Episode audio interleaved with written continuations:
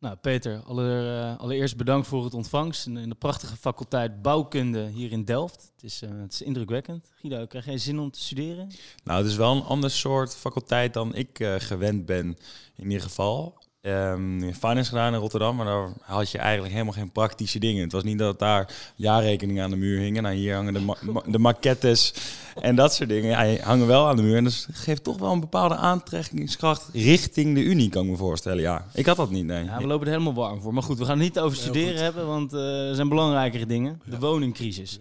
Kijk, uh, Peter, wij hebben eigenlijk het idee dat die woningcrisis al zo lang een publiek debat is. Dat er dat we eigenlijk door de bomen het bos niet meer zien. En, en, dan zijn de bomen alle problemen die er zouden zijn en het bos de oplossingen. Dus eigenlijk willen we met jou even de feiten van de fabels gaan onderscheiden. Dus laten we het gesprek in tweeën opknippen. We beginnen met wat zijn nou die oorzaken? Hoe steekt die markt nou in elkaar? En dan gaan we daarna kijken naar de oplossingen. Dus ja, als we beginnen bij het begin, hoe zou jij die, die Nederlandse woningmarkt nou, nou omschrijven eigenlijk? Ja, momenteel is die, is die zwaar overspannen. Kijk, de woningmarkt, ja, het is altijd discussie. We hebben het nu weer over volkshuisvestingen. Het is altijd een, een, een, een wankel evenwicht. Hè. Het werd ook wel de wobbly pillar of the welfare state genoemd, hè, housing. Esping Anderson heeft ook in zijn beroemde boeken ooit geprobeerd om housing, om wonen mee te nemen. Maar het was te ingewikkeld eigenlijk. Dus het is gewoon een heel, heel ingewikkeld uh, kwestie. En het is continu laveren tussen overheid en markt. En uh, soms zie je nou, dat de markt wat meer uh, nadruk krijgt, soms het, het beleid zelf. En ja, dat, en dat is eigenlijk altijd zo geweest. En, en ja, uh, er is altijd discussie geweest. En uh, zelfs toen de leegstand was, was er nog discussie over dat, dat, er, dat, dat het niet goed functioneert. Dat het niet aan, aansloot op wensen en, en behoeftes en dergelijke. Het is wel zo dat de laatste pak een beetje uh, vijf, zes jaar zijn de problemen wel heel erg verergerd. Hè? Dus, en dat is eigenlijk begonnen in 2008 met de financiële crisis, hè, de bankencrisis en de eurocrisis. Ja. Tot die tijd hadden we ook wel een woningtekort, hing zeker in de Randstad, maar niet zo groot als nu. Natuurlijk in de steden, Amsterdam, Utrecht is altijd druk geweest. Maar wat we toen gezien hebben, is dat, is dat eigenlijk de investeringen helemaal teruggevallen zijn. En men heeft toen een aantal, eigenlijk twee, twee cruciale beslissingen genomen toen. Gemeentes hebben toen besloten, de meeste, Amsterdam is daar een mooi voorbeeld van, hè, hebben eigenlijk besloten om te stoppen met nieuwe plannen en met, met bouwen. Er is een hele discussie geweest, ook in Amsterdam. Moeten we nou toch niet doorgaan met, met verliezen die we dan op de koop toenemen? Of is het te risicovol? Nou, er is op heel veel plekken is er gestopt met nieuwe plannen ontwikkelen en met bouwen. Dat is de ene kant. En aan de andere kant zijn er een aantal hervormingen doorgevoerd. Dus pak een beetje tussen 2011 en 15 zo. Die op zich hartstikke goed zijn. Die hadden we veel eerder moeten doen, maar niet op dat moment. En we hebben ze dus heel cyclisch genomen. Dus de, de, de, markt was al in, in terug. Hè, was al ja, stond onder druk. weer? Of, of nee, was stond er zwaar onder druk. Hè. Dus, dus de prijzen waren met 6% gedaald tussen 2008 en 11. En dan zie je dat in de meeste landen wordt er wat stimulerend, stimulerend beleid goed. Of in België hebben ze gewoon tijd geen regering, doen ze niks. En wij dat is lekker, hè? Dat was heel goed, ja. Want, maar wij hebben een aantal maatregelen genomen, waardoor we die crisis sterk verergerd hebben. En daar zijn we vanaf 14 wel weer uitgekomen. Toen is de rente gaan dalen. Wat zijn die maatregelen dan? Nou, dat zijn vooral maatregelen in de sfeer van de leencapaciteit geweest. Hè. Dus het veel moeilijker maken om hypothecaire kredieten aan, aan, te, aan, te, aan te kopen, aan te schaffen. En, en, en de LTV's, LTI's zijn aangescherpt. En de corporaties zijn behoorlijk in een hok gezet. Hè. Terwijl in 2008 toen bij het begin van de crisis zijn die corporaties nog gestimuleerd. Die bouwden op een gegeven moment de helft van de woningen. En dat is natuurlijk voor de bouwnijverheid en, en gewoon de hele productie en de planontwikkeling. Heb je tenminste een voortgang dan. Hebben we in 78 hebben we ook zo'n grote crisis gehad, hebben we het ook gedaan. Hè? Dus, dus, dus, dus, dus, dus, we hebben aan twee kanten, we hebben de koopmarkt afgeknepen en we hebben de corporaties afgeknepen. En dat heeft geleid tot een, tot een productieval van pak een beetje meer dan 80.000 woningen per jaar naar 41 in 2014. Ja, en je stelt dus, dus, veel meer woningen, veel minder woningen gebouwd, ja. Ja, je stelt dus dat die maatregelen eigenlijk prima waren, maar omdat ze cyclisch waren, dus ja. uh, het klassieke anticyclische beleid, op het moment dat er een crisis is, moet je investeren. Uh, Keynes was dat volgens mij die dat uh, stelde.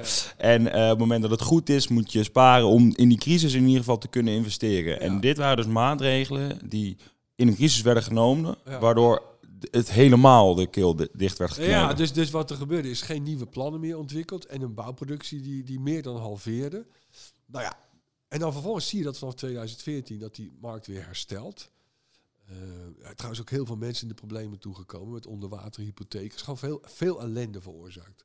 Nou, dan zie je dat die markt herstelt. En, maar dan neemt de bevolking gaat ineens veel harder groeien dan dan daarvoor. En dat heeft alles te maken met arbeidsmigratie. We hadden tot die tijd, pak een beetje tien jaar daarvoor, hadden we een arbeidsmigratie, netto migratie van rond de 20.000. En dus in werkelijkheid komen natuurlijk veel meer mensen binnen, maar netto ongeveer 20. Ah, dat is in een hele korte tijd, vanaf 15 is dat begonnen met die Syriërs toen. Dan waren het nog statushouders, maar daarna arbeidsmigranten. Is dat opgelopen naar meer dan 100.000. Dus als je nou per jaar maar een netto migratie hebt van meer dan 100.000... en je bouwt gewoon structureel veel minder woningen... ja, dan begrijp je dat er woningtekorten gaan ontstaan. Ja. Ja, want in 2012 of zo, toen had je zo inderdaad ook politici die zeiden, nou, Nederland is af. Ja. Je had, een, Ja, eh, Blok, hè, zei dat. Dat was een bekend voorbeeld. Maar je had ook, je had ook be- be- eh, bekende, of eh, weet het, eh, invloedrijke adviseurs. Hè. Ik noem vaak de Rijksbouwmeester. Ja. Dus eh, Van Dongen, die, die werd geïnterviewd bij Nieuwsuur. Dat zal rond, rond 2014 geweest zijn. Die riep echt op om te stoppen met bouwen. Want we hadden geen woningen meer nodig. Ja, dat is acht jaar geleden. Dat kun je haast niet voorstellen.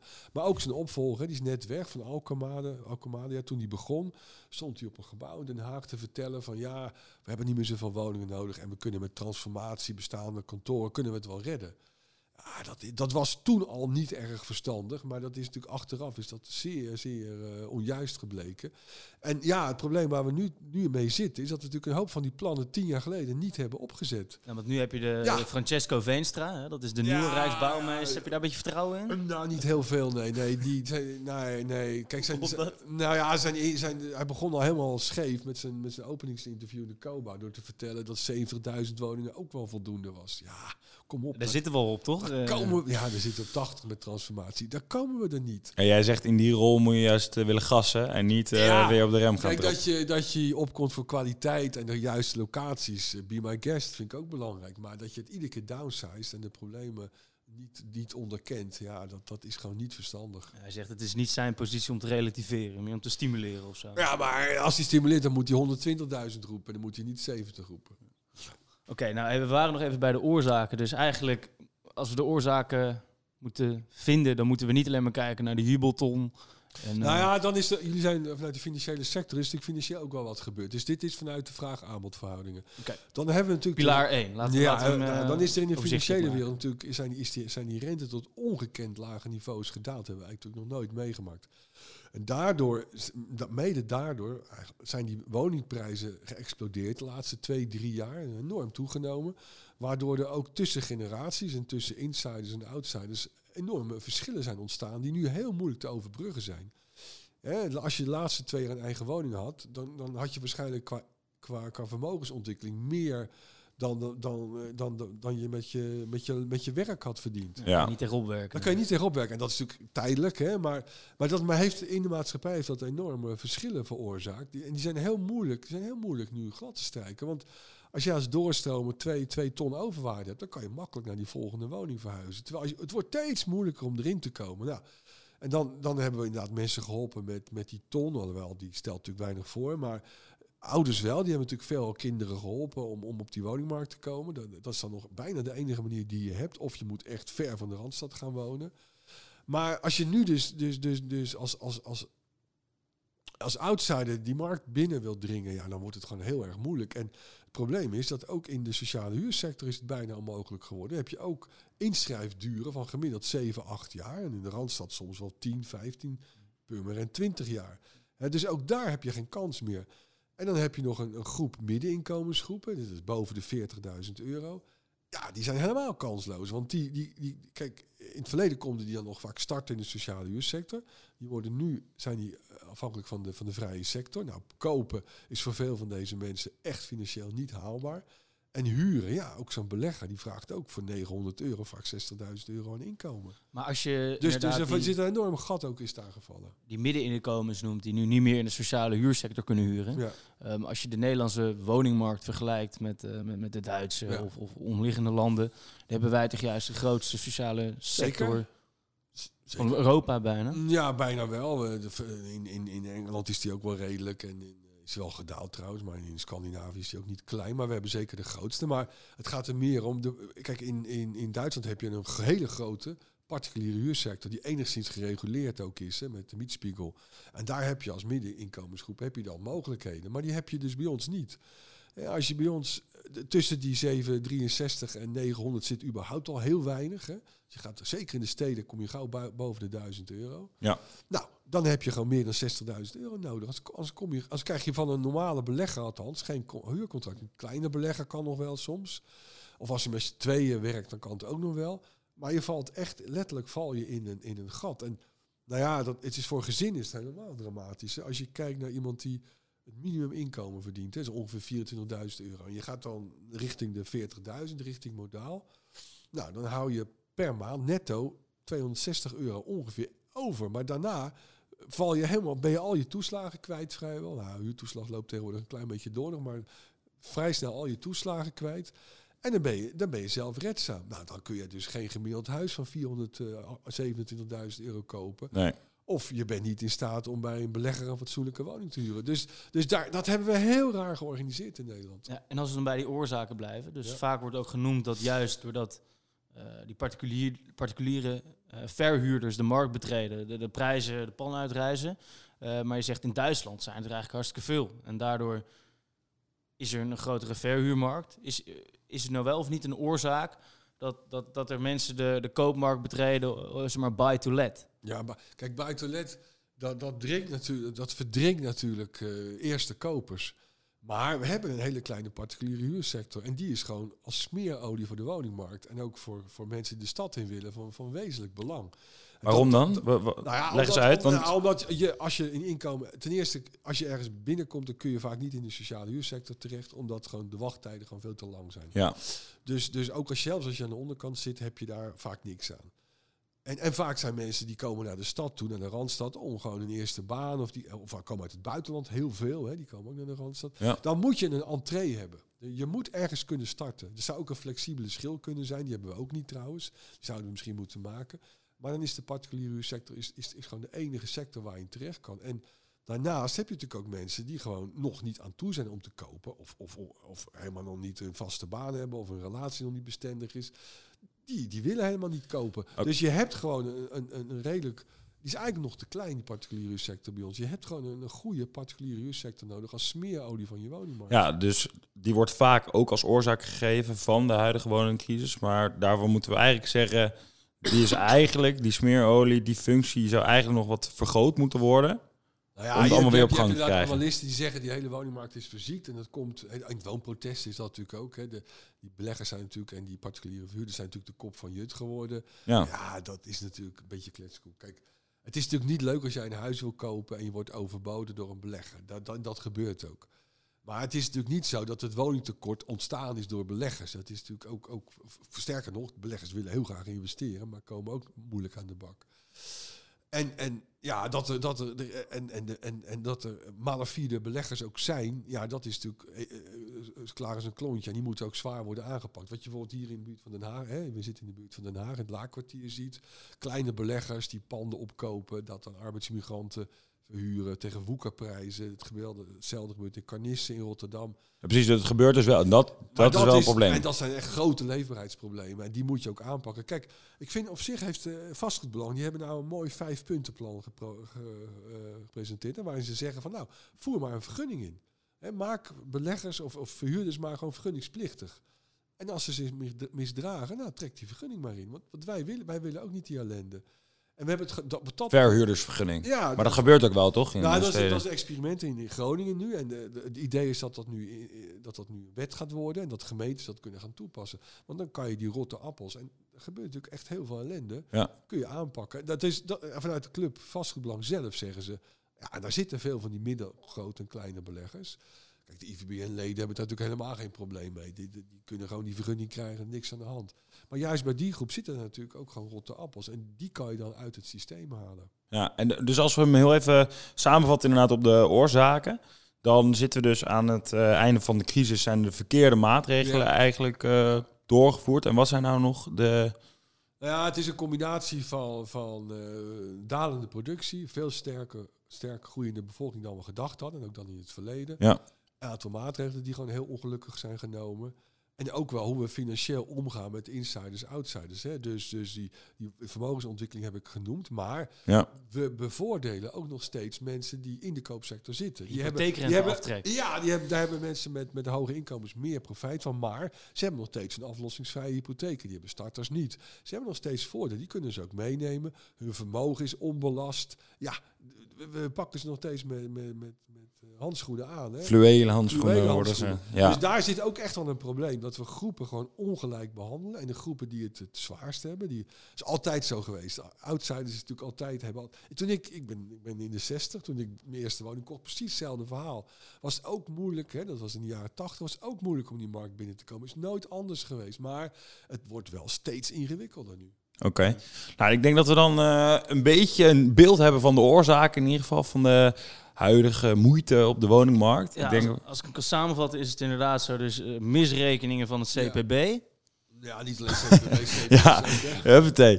Geef in ieder geval iemand de, schuld. sukkels Ja. van het CPB. De sukkels van de gemeente. Ja, dat grapje. Maar eh, misrekeningen hè, over, de, over de bevolkingsgroei. Ja, dat doet CBS, ja. Oh, CBS. Oké.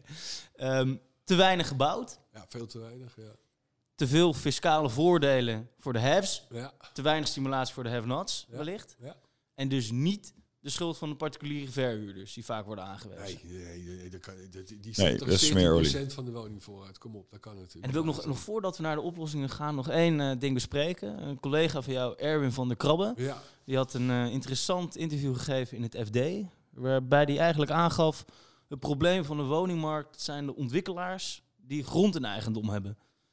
Ja, hoe moeten we dat lezen, Peter? Ja, hij kan dat ook niet hard maken nog. Hè. Kijk, wat, wat, waar, waar hij onderzoek naar doet, in, in opdracht van de ACM, en wij hebben dat in het verleden ook al vaak gedaan trouwens. We hebben die hele bouwkolom, een jaar of twintig geleden ook eens helemaal ontleed. Ontstaan natuurlijk overal residuen. En, en als dat residu ten aanzien van die grond te groot wordt bij de, bij de aanvang, ja, dan verlies je gewoon geld. En dat gebeurt ook wel. Dus, dus, dus er wordt al jaren gesproken over een eh, planbatenheffing. Waarbij als je, als je een bestemmingsplanverandering doet en je verandert agrarische grond in bouwgrond, dat je dan het grootste deel van de, van de, van de overwaarde die daardoor ontstaat, of de waardecreatie die daardoor ontstaat, aan de gemeenschap laat komen. En dat zou op zich een hele verstandige keuze zijn, denk ik. Maar je kunt ook, je kunt ook met het kostenverhaal en met het voorkeursrecht en dergelijke, en ook zelfs met passief grondbeleid, kun je ook heel ver komen. Want even dit is wat, wat, wat de heer Van der Krabbe eigenlijk aangaf. Die zei, omdat ontwikkelaars eh, op een gegeven moment grond in eigendom hebben, hebben ze ook het bebouwingsrecht. Ja, En vaak kunnen ze daarmee wachten. En omdat ze ermee kunnen wachten, komen projecten niet van de grond, wordt er te weinig gebouwd. En Ja, nou, dat is, soms is dat ook wel zo. Hè. Maar dat is, het, soms is het ook een combinatie van dat het financieel niet rondkomt. Hier in de buurt heb je Lansingerland. Hè. Daar ligt een eh, Wilde Zijde, een bouwlocatie die is in, in 2008 of 2007... is die, eh, hoe heet het, via een uh, bouwclaimmodel terug naar de gemeente gegaan. Die waren toen eigenaar, die hebben een bouwrijp gemaakt. Ja, toen ontstond de crisis. Hè. Dan hadden die vijf ontwikkelaars zoiets van... ja, wij gaan natuurlijk niet bouwen nu. Kijk, hadden ze goede juridische contracten gehad met een bouwplicht erin, dan had het wel gebeurd misschien. Maar ja, daar zitten natuurlijk wel, eh, daar kan je wel, eh, hij heeft wel gelijk, daar kan je wel. Kijk, ik denk dat zo'n bouwplicht zou, zou je eigenlijk moeten invoeren. Dat je zegt van nou oké, jij, jij, je- je mag bouwen, maar dan moet je het gewoon gaan doen. Je, je kan ook belasting gaan heffen op, op lege bouwgrond, hè, dat wordt ook wel voorgesteld. Maar Peter, elke rationele eh, ontwikkelaar die een stuk grond heeft en daar iets kan ontwikkelen waar hij gewoon een gezonde winst op maakt, die gaat er niet bij wachten. Nee, dat is ook zo, dat is ook zo. En de gemeente heeft toch duizenden knoppen om aan te draaien. Ik bedoel, Nou, eh, dat de, de, de betaalbaarheid. Zij, hebben, Nou, ja, zij moeten die bestemming wijzigen. Jawel, maar zij, kijk, met de wet voorkeursrecht kan je wat natuurlijk. Maar als je echt als ontwikkelaar eh, niet, niet wil, dan kan je de zaak ongelooflijk vertragen. Ik geloof Maar dat doen ze ook, doen ze ook liever nee, niet. dus ik, ik geloof het ook niet, Swing. Dat, dat- maar hij moet het maar eens bewijzen, want hij, hij heeft het nog steeds niet bewezen. Hij komt alsmaar met, ja, we moeten het nog bewijzen. Maar laat het maar zien. En dan niet exemplarisch met één plan, maar dat dat op grote schaal gebeurt. En, en wie is de grootste grondeigenaar? Ja, dat is BPD volgens mij, Rabo. Ja, die doen dat ook niet. Nee. Die, Nee, die- niemand die doet dat voor baat bij, bij, bij, bij bouwen. Dat is ook zo. Dus reden nummer vijf is, eh, de heer Van der Krabbe kan het niet goed onderbouwen. Nou ja, die komt daar nog mee, hè? dus dat gaan we zien. Want hij heeft wel gelijk. Nou, vertrouwen. We Maar wat, wat vertrouwen. hij, waar hij wel gelijk in heeft, is natuurlijk dat er af en toe speculatie plaatsvindt. Hè? De, de, de bekende voorbeeld in Utrecht met de Merwede kanaalzone. Ja, er is gewoon 20 miljoen of een paar miljoen is daar in een paar dagen verdiend. Er, Ja. is, er is wel becijferd dat dat... Er is toen Was die rijke man uit Nijmegen, toch? Weet je ook weer? Nee, ja, ik ben even Ehm, zijn naam kwijt. Maar- Boekhorn. Boekhorn, die Marcel Boekhorn, ja, die heeft dat toen een paar keer door, of doorverkocht. Maar de- de- de- de- er zijn onderzoeksjournalisten geweest die hebben becijferd dat dat wel tot 100 miljoen is opgelopen. Dat is natuurlijk een paar keer doorverkocht. En dat wil je natuurlijk niet. Je Nee. wil liever dat dat geld gebruikt wordt in die, in die plankwaliteit. In grotere woningen, in betere voorzieningen. En grond is natuurlijk, ja, je kan grond niet, niet, niet reproduceren. Ja, dat is er. En dus dat je daar meer maatschappelijke sturing op hebt, vind ik heel goed eigenlijk hoor. Maar dat is niet de verklaring waarom er niet gebouwd wordt. De- Misschien komen we straks nog op. Er wordt natuurlijk wel. Nou laten we inderdaad even doorgaan naar de, naar de oplossingen. Ehm, het makkelijkste zou natuurlijk nu zijn, eh, Peter, wat is de oplossing? Maar Mats en ik zijn eh, v- voortvarende bruggenbouwers. Zeker op het moment dat wij naar de bouwkunde faculteit in Delft afreizen, moesten we natuurlijk met al wat oplossingen op de proppen komen. Eh, dus we willen ze eigenlijk aan je voor gaan leggen. Vind je dat een goed Ja, idee? Of zeg jij van nee, eh, stel hem maar open, want anders en als we dan... er eentje missen, dan worden we graag verbeterd door Ja, de kom leraar. erop. Nou, het is makkelijk alleen maar te luisteren. Ja, ja. begin jij? Zeker. Ja, nou de eerste, en daar willen we eigenlijk niet te lang eh, bij stilstaan, want dat is de meest gehoorde, denk ik. Ehm, bouwen, bouwen, bouwen. Ja, natuurlijk. We moeten ook bouwen. Het is niet alleen maar bouwen. Je kan, natuurlijk- we komen straks nog op de bestaande voor het. Maar het is natuurlijk evident dat we meer woningen nodig hebben. En dat doe je door nieuwe woningen toe te voegen. En, nou ja, als je kijkt gewoon naar de bevolkingsprognoses nu. hè, We zitten nu op, wat is het, 18,6. We gaan richting de 21,5 waarschijnlijk. Misschien wel 22 miljoen mensen. We hebben een oude voorraad, hè, met name die in de jaren 50 en 60 is gebouwd. Die is echt aan vervanging. Dat is echt topkwaliteit, hè? Nee. Dus we, hebben, we hebben echt, en we hebben misschien wel een miljoen woningen waar de funderingen aangepast moeten worden. Nou, dan kan je soms ook maar beter een nieuwe woning neerzetten. Dus we hebben echt, echt, echt veel nieuwe woningen nodig. Alleen het is, we komen straks nog op andere oplossingen ook, hoop ik. Hè. Ja, wat, Ja. Wat, je, wat je in die, in die discussie vaak van die scholen, hè, van mensen die zeggen, ja, alles via transformatie. Of alles via nieuwbouw. Of alles via de bestaande voorraad. Ja, dat, zo werkt het. Nee. Het is natuurlijk niet handig. Je moet vanuit al die hoeken... Maatwerk. En, eh. en, dus we moeten ook, Ja, we, moeten we moeten ook de boeren gaan, eh, de boerenvelden gaan platleggen om nou, om woningen te gaan maken. Locaties. Nou ja, kijk, we moeten Nederland opnieuw inrichten. Dat, dat is op zich een ontzettend... Je bent hier op de faculteit bouwkunde inderdaad, hè, bij ingenieurs. Maar we moeten, moeten Nederland opnieuw... Dat is een enorme mooie opgave die we hebben. En Nederland opnieuw gaan inrichten voor de komende 100 jaar. We moeten een plan gaan maken voor Nederland. En ja, we hebben te maken met het groene hart. Dat kunnen we zo niet mee doorgaan. We hebben te maken met landbouw, die is sterk vervuilend. We hebben met natuur staat onder druk. We moeten veel meer waterberging gaan organiseren. We hebben eh, m- milieulandschappen en zonnepanelen. pa- Maar oké, en als we dus dan- we hebben, moeten gewoon net opnieuw gaan inrichten. En we hebben maar 14% bebouwd, hè, jongens. Dat Ja, is maar heel weinig. Precies, dus daar wil ik heel even dan nog als, als eigenlijk de laatste over deze oplossing ehm, knop, waar dan, eh, eh, zoals Mats heel graag eh altijd noemt, de knop waaraan gedraaid kan worden, is niet, Ja, niet gewoon 14% Van de gemeente is gebouwd. Meer knoppen draaien. Ja, eh, is dan niet gewoon de enige knop waaraan gedraaid kan worden, daar heel makkelijk de grondprijs. Ja. ja, maar goed, de grondprijs. Maar, eh, Maar dan staan er toch morgen 100 projectontwikkelaars in de rij aannemers die het helemaal vol Ja, gaan eh, ergens, gooien. moet ergens. Kijk, die, die, het probleem natuurlijk is dat die inbrengwaarde, die is er gewoon. En er is in het verleden op sommige plekken is gespeculeerd, maar daar, daar start je gewoon mee. En dan kun je wel de grondprijs verlagen. Dat lijkt me allemaal prima, maar dat is gewoon subsidiëren. Moet, iemand moet dat geld meebrengen. Als jij op de Binkhorst gaat ontwikkelen, of, of in, in, Amsterdam, in het eh, havengebied, dan moet je eerst heel veel industrie moet je verplaatsen, je moet je saneren. Je moet ook daar infrastructuur aan gaan leggen. Dat is gewoon hartstikke duur. Dus, dus, en als je dan ook nog betaalbare woningen wil, hè, dat, dat- ja, hoe, hoe, hoe dat moet, twee derde deel betaalbaar in die nieuwe gebiedsontwikkelingen. Gelukkig heeft de minister gezegd, nou ja, oké, vanaf 2025 dan. Hè, dus niet die huidige plannen. Want ik zou bij God niet weten hoe je dat, hoe je dat moet, moet, moet cijferen. Maar kijk, het idee dat het, dat het allemaal gratis kan en vanuit de markt kan worden opgebracht, dat is natuurlijk een beetje, ook een, een beetje naïef. Hè? We hebben vanaf de Tweede Wereldoorlog hebben we de wederopbouw gehad, de groeikern, de Vinex. Daar zijn altijd miljarden overheidssubsidies ingegaan. We maken nieuwe gebieden voor wel tig generaties. Het idee dat je dat, want dat is, als je zegt de markt moet het allemaal doen, is gewoon de eerste gebruiker, bewoner, die moet het allemaal opbrengen. Ja. Maar dat wil je niet. Je wilt toch ook dat er goede voorzieningen komen, dat het gebied goed ontwikkeld wordt. Dus ja, je, we hebben daar gewoon geld voor nodig. Als je, er zijn een aantal van die studies van BZK geweest hè, in december, of voor, voor december dan, naar die 14 grote gebieden. Ministerie van Binnenlandse Zaken, Ja, ja. die komen op 35 miljard wat we nodig hebben aan, aan allerlei infrastructuur en ook aan woningbouwsubsidies. Oké, nou misschien Met de moeten we dan... eh, kwaliteiten die we willen. Dus ja, Groeifonds. Ja, dat heb Ja. je nodig. En hebben we ook altijd gedaan. Het is net, net alsof het nieuw is. Maar we hebben, we hebben dat nooit... Kijk, en op een gegeven moment in de crisis is er toen gezegd... Ja, kijk, nu hebben we dus geen woningen meer nodig. Nu zijn we klaar. Dan gaan we organisch ontwikkelen. Nu zien we wel of het van de grond komt. Maakt niet uit als een paar mensen dat wel of niet willen. We onder, hè, eh, planologie, die, die, die, daar was ook geen, geen directieven meer. Gewoon toelaten en we zien het wel. Maar misschien moeten we dan naar de tweede oplossing. grote opgave nu. Oplossing nummer 1, bouwen, bouwen, Dat moet bouwen. Die is duidelijk. Dat moeten we gewoon doen. We Maar niet in, eh, alomvattend. In de, in de, in de, Maar niet alomvattend dus. Nou ja, je moet het een beetje met verstand en beleid doen. Hè? En, en je moet natuurlijk ook producten gaan toevoegen die we nu nog niet zoveel hebben. Dus bijvoorbeeld voor oudere knarhofjes moet je gaan bouwen, voor collectieven moet je gaan bouwen. Dus producten waar, dus niet opnieuw weer de Vinex gaan kopiëren. niet weer al die eengezinswoningen, die doorzonwoningen. Die Daar hebben we we genoeg van. Die hebben we wel. En we hebben ook veel appartementjes eh, van lage kwaliteit. Dus ja, laten we, laten we nou al wat we toevoegen gewoon, gewoon strategisch doen. Oké, goed. We blijven bij het eh, intellectuele drie woorden gewoon achter elkaar roepen. Oplossing nummer twee. Reguleren, reguleren, reguleren. Ehm, dat is dus eigenlijk wat de overheid nu wil. Hè? Dus 66 procent, nou, twee derde, moet betaalbaar zijn.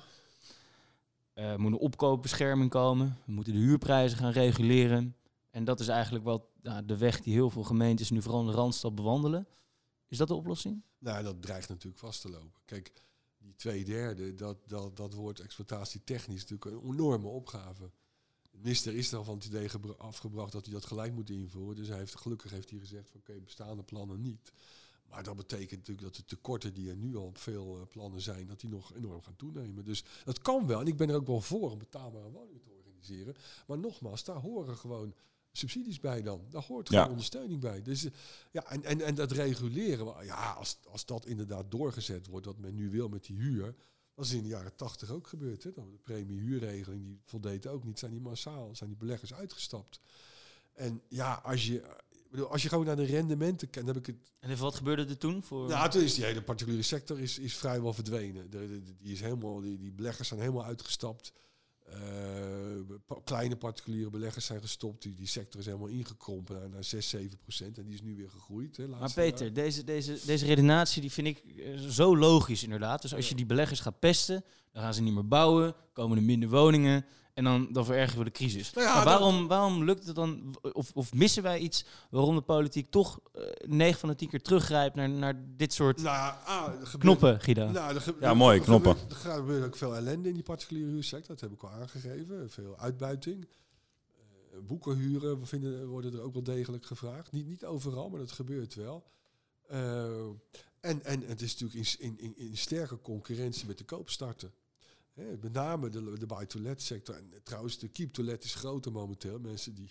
Ja. Dus, dus, dus, dus ja, dan moet je gewoon gaan belasten. Dat is, dat is duidelijk. Dat, eh, en kijk, op zich, als die beleggers niet bouwen, dan kunnen ook corporaties daarop inspringen. Of we kunnen meer koopwoningen gaan bouwen. Dus die bouw kan op zich nog wel door. Alleen je mist dan dat minder segment. Dat, of, of je moet zeggen, nou, corporaties gaan het, gaan het, gaan het doen. Hè. Dat kan ook. Ja. Oké, maar je bent dus geen, niet echt fan van deze oplossing, omdat het eigenlijk de geschiedenis heeft bewezen dat als we dit helemaal aan de politiek overlaten, dat gaat niet de oplossing brengen. Nou ja, ik, kijk, vastgoedbelang heeft, heeft ook gezegd, je, dat, dat plan van die vijf punten, dat vind ik op zich ook wel netjes. Die zeggen, nou, laten we nou eens gewoon berekenen wat een redelijk rendement is. Nou, Je ziet, jullie zijn komen uit die sector, je ziet tegenwoordig eh, eh, bruto aanvangsrendementen van 3, 4 procent, zijn heel normaal.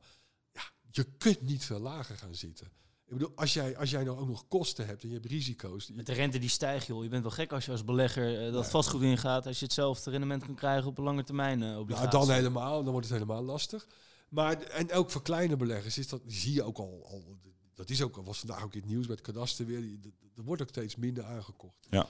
Dus dat is gewoon, dat zit, loopt tegen het randje. Nou, als we nou eens gewoon met z'n allen bepalen, wat, is, wat vinden we nou een redelijk rendement? Dan, kunnen we, dan kun, je, kun je ideologisch naar kijken en dan kan een belegger iets van vinden.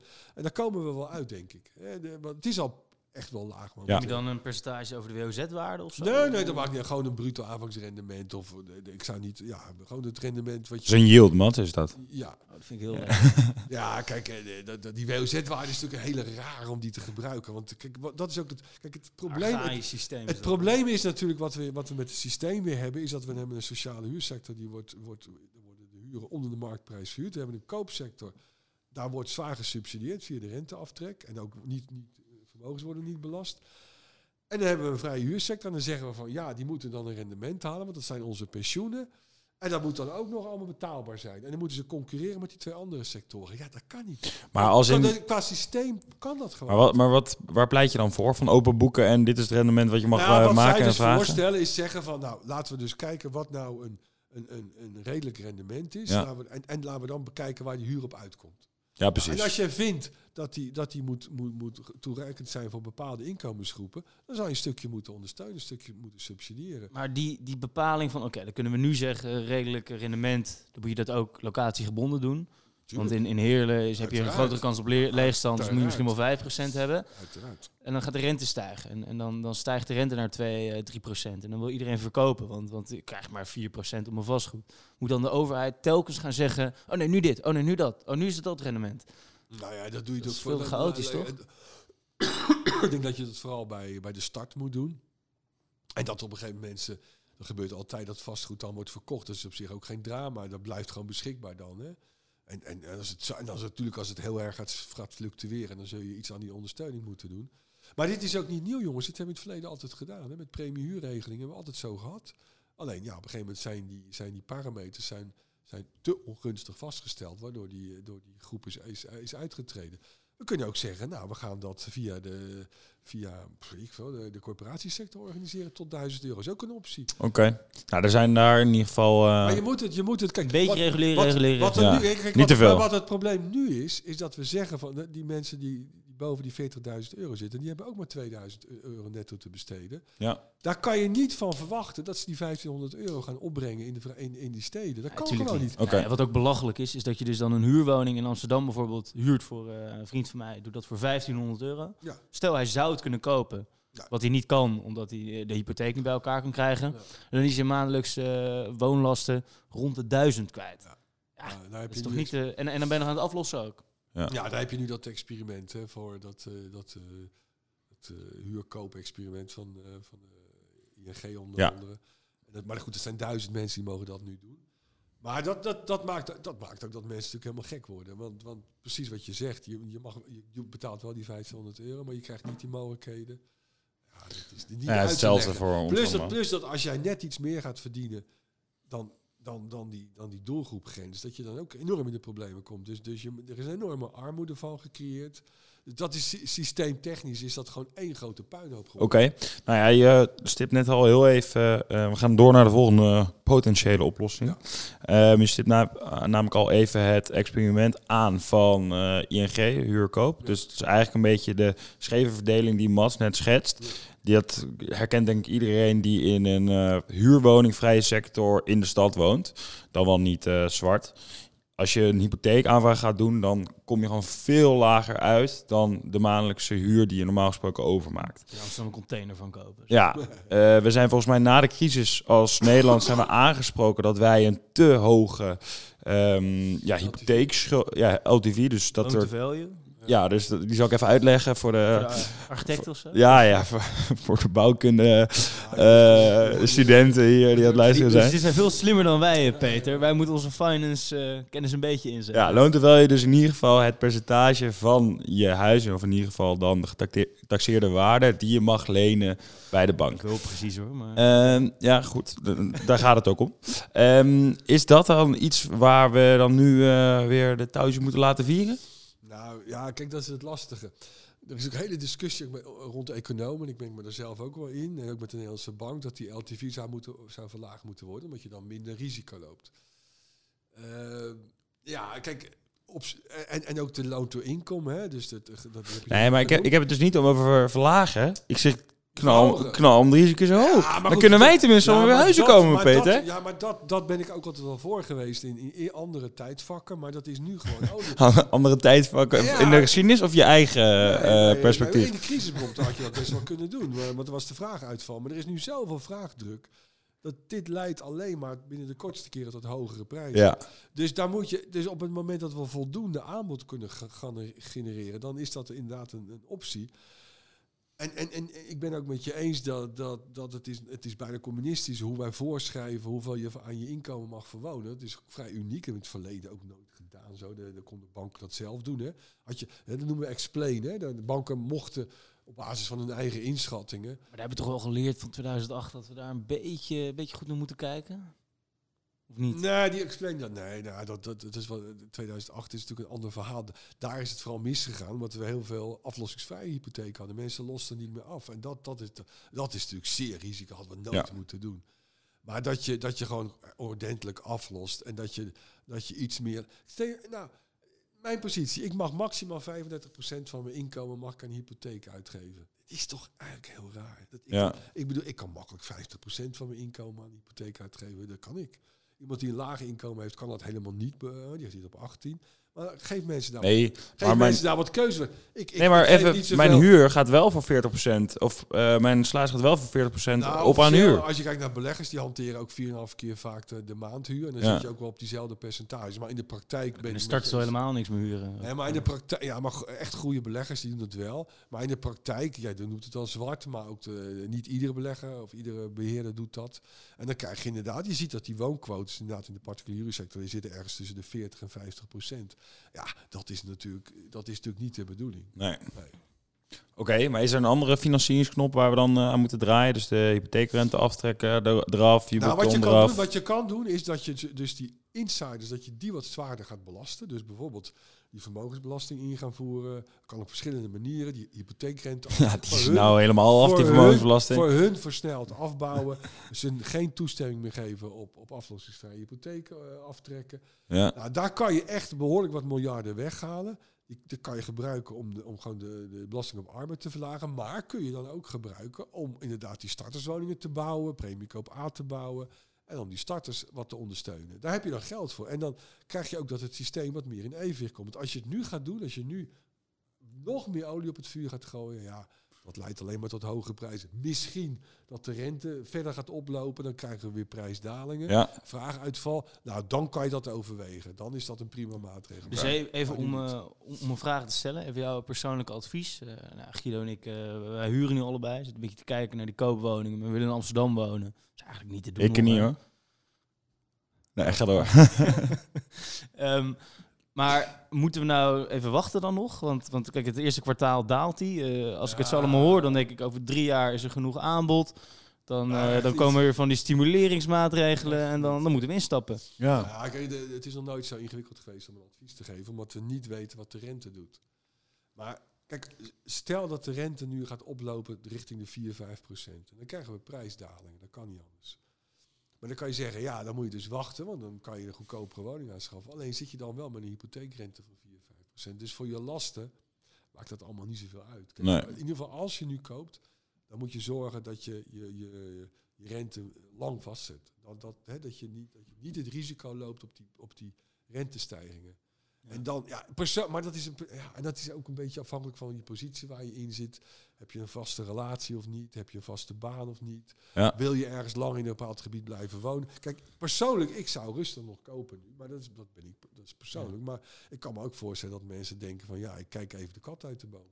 Maar nogmaals, Koffiedik kijken. Ster, ja, maar stel, eh, ook als die prijzen wat gaan dalen, dan nog schiet je daar weinig mee op. Sterker nog, dan wordt het waarschijnlijk nog moeilijker om een hypotheek te krijgen, omdat je lasten ook wat hoger liggen.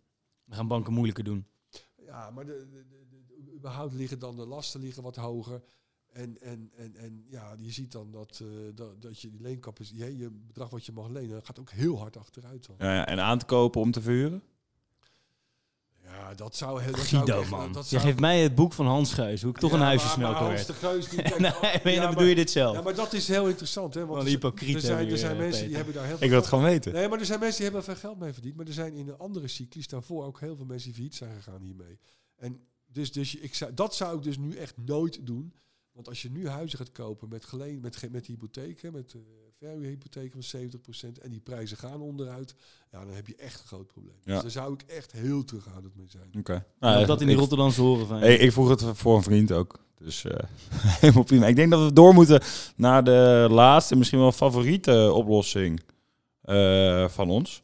Dat is namelijk de oplossing: eh, stel je niet aan, stel je niet aan, stel je niet aan met z'n allen. Als we kijken naar de, eh, ja, de afgelopen protesten sowieso eh, in Amsterdam. Er waren toch heel veel mensen die claimden gewoon nog voor, voor 500 euro op de gracht te eh, moeten kunnen wonen. Ehm, ja, zijn wij gewoon niet heel erg verwend in Nederland met onze huizensituatie. En Iedereen kan in Amsterdam wonen. Ja. Ja, Ja, dat, dat heb je gelijk in. Maar van de andere kant is het ook in Almere en Purmerend is het heel druk en heel duur geworden. ja, Dus je, je kan natuurlijk discussiëren of iedereen in Amsterdam moet wonen. Ik denk dat er bepaalde beroepsgroepen wel degelijk in Amsterdam zouden moeten kunnen wonen. En ik denk ook dat het goed is om een, om een enigszins gemeleerde eh, wijkopbouw te hebben. Voor het centrum heb ik daar persoonlijk niet zo moeite mee als dat niet zo is. Maar de rest van Amsterdam zou ik dat zeker wel willen. Dus dat je daar een, een, mate van ondersteunt. ja, laten we even groter pakken. Hè. Dus het gaat niet per se over Maar, maar het, maar het Amsterdam, probleem is maar dat je ook in Lelystad tegenwoordig... Ja. Eh, Ik noemde Purmerend, wachttijd van 20 jaar in de sociale huursector. Dus Ja. ook daar is het, en daar is het ook duur. Dus kijk, in het verleden had je nog wel de optie om inderdaad in Almere te gaan wonen, maar die heb je niet meer. Dus tenminste, als je, als je geld hebt. Kijk, Amsterdam is natuurlijk helemaal uit, ja, het is voor bijna iedereen onbetaalbaar geworden. Dat Ja. is. Maar zelfs als je dan uit, eh, hoe heet het, verder gaat kijken, dan is het ook nog, nog heel moeilijk. Dus, dus, het is voor mij lastig om hier eh, advocaat van de duivel te spelen. Want ik, ik, ik vind zelf ook dat er wel echt wat moet gebeuren natuurlijk. Maar ja, je hoort ook mensen die zeggen... Ja, maar Peter, waar zijn die daklozen dan? die zijn er. Huizentekort, ik, ik, ik zie ze niet. Ja, die zijn er wel degelijk. Hè. Dus de officiële schat, moet je toch iets beter kijken, zou ik zeggen. Iets minder bier drinken, eens voor eens rond gaan kijken. Nou ja, eh, advocaat van de duivel. Maar- nog of wat, wat langer bier drinken Dat was de dan. officiële schatting van, eh, van het CBS van twee jaar terug, is geloof ik 40.000. Maar de welzijnsinstellingen, die spreken van rond de 100.000. Dus dat neemt ook gewoon echt toe. Dat neemt ook echt toe. En je ziet ook dat. Bedoel, en kijk nou maar eens naar je vriendenkring of naar je kennissen. Er zijn tegenwoordig ook echt economisch daklozen. Mensen die gewoon een baan hebben, maar die niet in staat zijn. Nou, heel veel mensen zijn dan nog in staat om thuis weer te gaan wonen.